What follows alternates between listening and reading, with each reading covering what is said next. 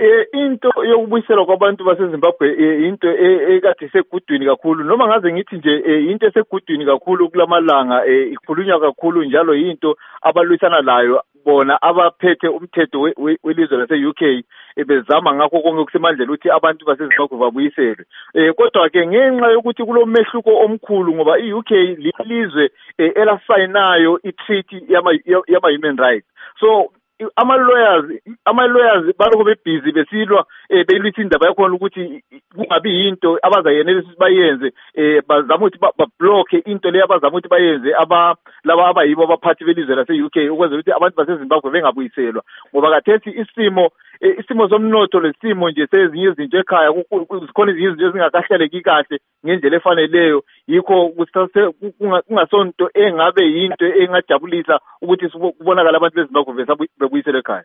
Kodwa wena nxa uhlangana labo abezimbabwe ikakhulu ababe bedinga ubuphepheli bengakabatholi bathini? Baphila njani? Baphilele evalweni? Baphilela evalweni eh kodwa ke kube sekuyukuthi i- i- labo kakhulu abaphilela evalweni ilabo abamhlambe abangakaziyo abangekho ku system kodwa labo abakhona ku system abaphilela evalweni kakhulu ngoba ezinjengoba ngitshilo phambilini ukuthi ilizwe lase UK akufani eh mhlambe noma njenge South Africa ukuthi mhlambe ngathi 2 o'clock uze umnyango usukhathelwa ukuthi avuke uhambe.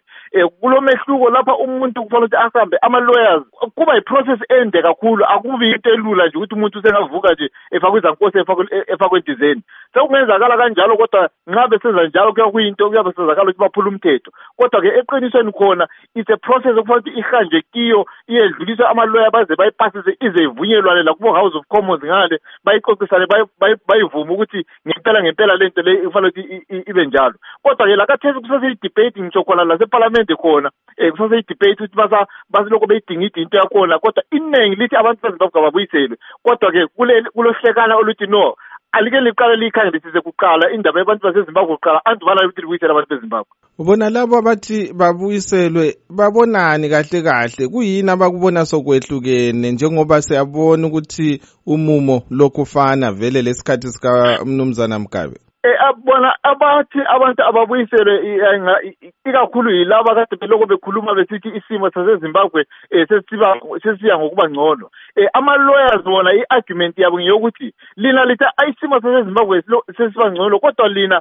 lisase lama sanctions elisawafakileyo ebantwini thize eh ama targeted sanctions elisawafakileyo ebantwini baseZimbabwe okutshengisela ukuthi isimo asikakaqondi kuhle. So kungani eh ngapha ngapha lizitheka liphinde liziphendule futhi njalo lina? Eh kuyinto enga- engaqondanga into etshengisela njalo ukuthi alila qiniso entweni yenu eliyenzayo. Siyasizwe ukubana kuthiwa bakhona abanye abebandla lezanu p f labo abadinga ubuphepheli. Liya libabone yini? Ye bakhona abantu be- eh, aba- bakhona abantu bezali p f abaningi kakhulu esibaziyo aba- aba- abadinga ubuphepheli um kule- kule- kuleli lizwe. Eh kungoba ubuphepheli eh babugande ukuthi akusikwa ukuthi umuntu mhlambe ubuya ngezepolitiki kuphela kodwa ubuphepheli buza ngendlela eziningi.